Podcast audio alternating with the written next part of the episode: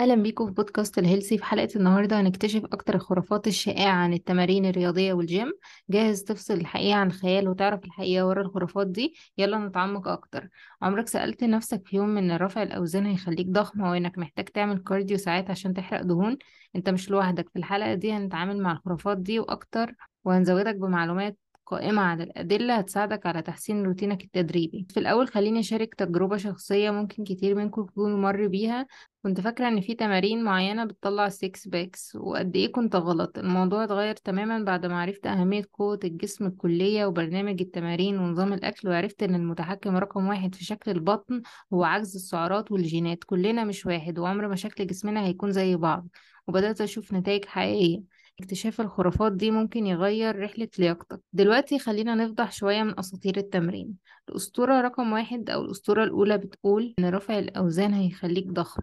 ناس كتير بالذات الستات بتخاف إن تمارين القوة أو الأوزان دي تؤدي لزيادة حجمهم. خليني أقولك إن متطلبات بناء كتلة عضلية كبيرة تدريب خاص وتغذية وجينات. هنناقش إزاي بتفيد تمارين القوة الصحة العامة وبتحسن تكوين الجسم وهنكسر أسطورة العضلات الضخمة. الأسطورة التانية اللي هنتكلم عليها النهاردة بتقول إن الكارديو هو أفضل طريقة لحرق الدهون في حين إن تمارين ال cardio أكيد ليها أهمية كبيرة هي مش الحل الوحيد لفقدان الدهون. هنستكشف مفهوم اسمه ال metabolic conditioning وهنوضح إزاي ممكن يكون دمج تدريب القوة والتدريب المتقطع عالي الكثافة أو ال HIIT workouts أكتر فعالية في حرق الدهون. وبعد كده هنخش على الأسطورة رقم ثلاثة وهي لازم تعمل stretch ات دايما قبل التمرين. غالبا الناس بتبص للتمدد أو ال stretch ات على إنه روتين إحماء ضروري لكن الأبحاث بتشير إلى إن ال dynamic stretches تمارين الإحماء الديناميكي مفيدة أكتر. هنشرح الفرق بين ال dynamic stretches وال static stretches أو التمدد الساكن والديناميكي وهنشارك تقنيات الإحماء البديلة اللي هتخلي جسمك مستعد للأداء الأمثل في التمرين. خلينا نبدأ بالأسطورة الأولى اللي بتقول إن رفع الأوزان هيخليك ضخم. بتستند الأسطورة دي إلى الاعتقاد الخاطئ بأن رفع الأثقال هيؤدي تلقائيا لعضلات كبيرة ضخمة. في الواقع بيتطلب تضخم العضلات ظروف محددة بتتجاوز تدريبات القوة المنتظمة. تتضمن الحالات دي عادة تدريبات كبيرة الحجم وحمل تدريجي زايد وكمية كبيرة من السعرات الحرارية مصحوب بالتغذية المناسبة. تدريب القوة بما في ذلك رفع الأثقال ليه فوائد عديدة للرجال وللنساء. بيساعد على تحسين كثافة العضل يزود من التمثيل الغذائي وبيعزز استقرار المفاصل وفقدان الدهون والقوة الكلية والقدرات الوظيفية. بالإضافة لكده تمارين القوة بتساعد في تشكيل الجسم وده اللي بدوره بيخلي الشكل أفضل. بالنسبة للنساء بالأخص تدريب القوة مفيد للغاية والمفروض الستات ما تخافش منه بسبب الاختلافات الهرمونية والجينية واحتمالية إن الستات تضخم عضلات أو حجمها يكبر بتقل مقارنة بالرجالة. بدل ما يبقى عندهم عضلات كتيرة وكبيرة بيكون عندهم لياقة بدنية نحيفة ومتسقة من خلال تمارين القوة. زيادة على كده زيادة كتلة العضلات ممكن تساهم فعليا في زيادة معدل الإيض اللي هو الحرق وده طبعا هيسهل إدارة الوزن. خش على الأسطورة رقم اتنين. الأسطورة التانية هي ال cardio هو أفضل طريقة لحرق الدهون. طبعا تمارين ال cardio بتحرق الدهون بس مش هي الحل الوحيد لفقدان الدهون وخصوصا إن في ناس كتير ما بتحبهاش. الاعتقاد الخاطئ بأن تمارين ال cardio زي الجري على جهاز ال treadmill أو استخدام آلات ال cardio هو الطريقة الأكثر فاعلية لحرق الدهون هو مفهوم خاطئ وشائع. في حين أن تمارين ال cardio ليها فوائد أكيد من المهم إن إحنا نعرف إن الأشكال التانية من التمارين ممكن تكون متساوية أو حتى أكتر فعالية في فقدان الدهون.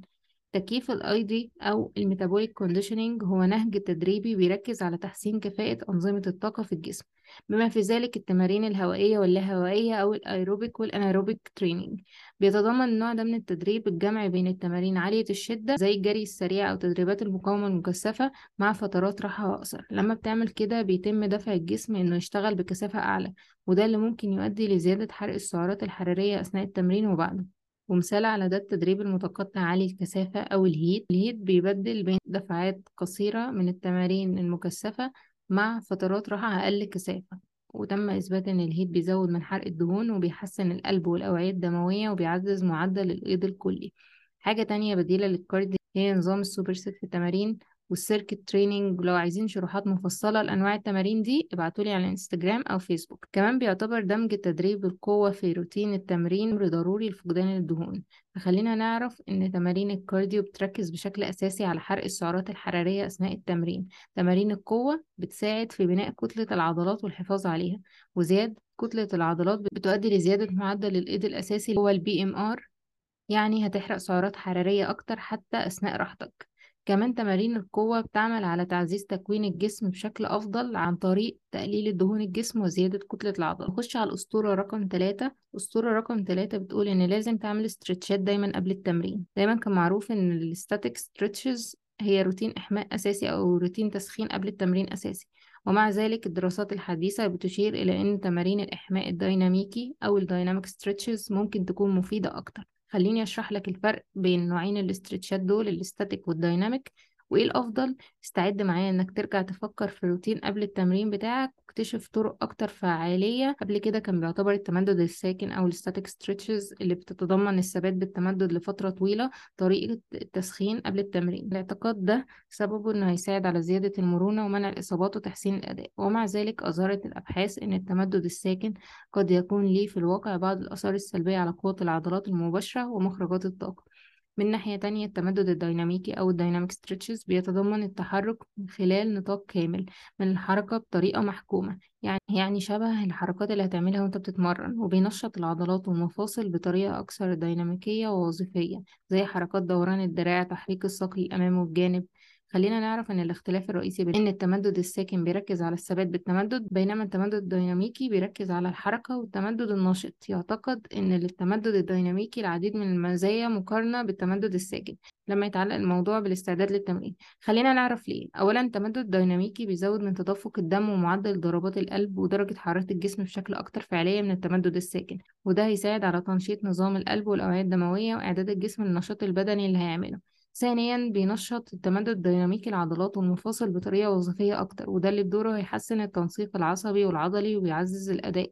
خلال التحرك في نطاق كامل من الحركة وهيخليك تحسن حركة المفاصل ويعزز مرونة العضلات وهيسمح بجودة حركة أفضل أثناء التمرين. أخيرا ثبت أن التمدد الديناميكي بيحسن القوة والسرعة وخفة الحركة وهو ما يمكن أن يكون مفيد بشكل خاص للأنشطة اللي بتتطلب حركات تقيلة زي الجري والقفز. عشان كده بدل ما تقعد وقت طويل في الاسترتشات الثابتة قبل التمرين حط في اعتبارك دمج تمارين الإحماء الديناميكية في روتينك. ممكن يتضمن الإحماء الديناميكي مجموعة من الحركات اللي هتستهدف مجموعة العضلات الرئيسية اللي هتستخدمها أثناء التمرين.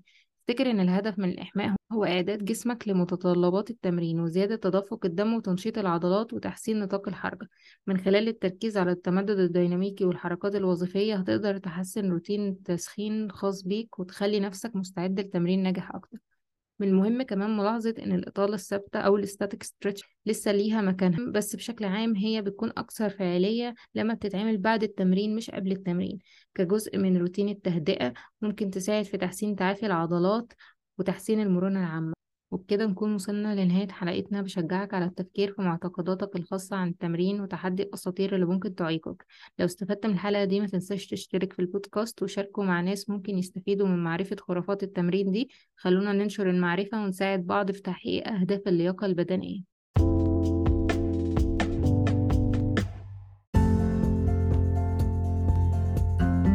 شكرا ليك على انضمامك لينا في المغامرات الخرافية في عالم التمارين الرياضية. افتكر إن المعرفة قوة ومن خلال التحرر من المفاهيم الخاطئة دي تقدر تطلق العنان لإمكانياتك الحقيقية. لحد الحلقة الجاية افضل إيجابي حافظ على صحتك والتزم بالرياضة.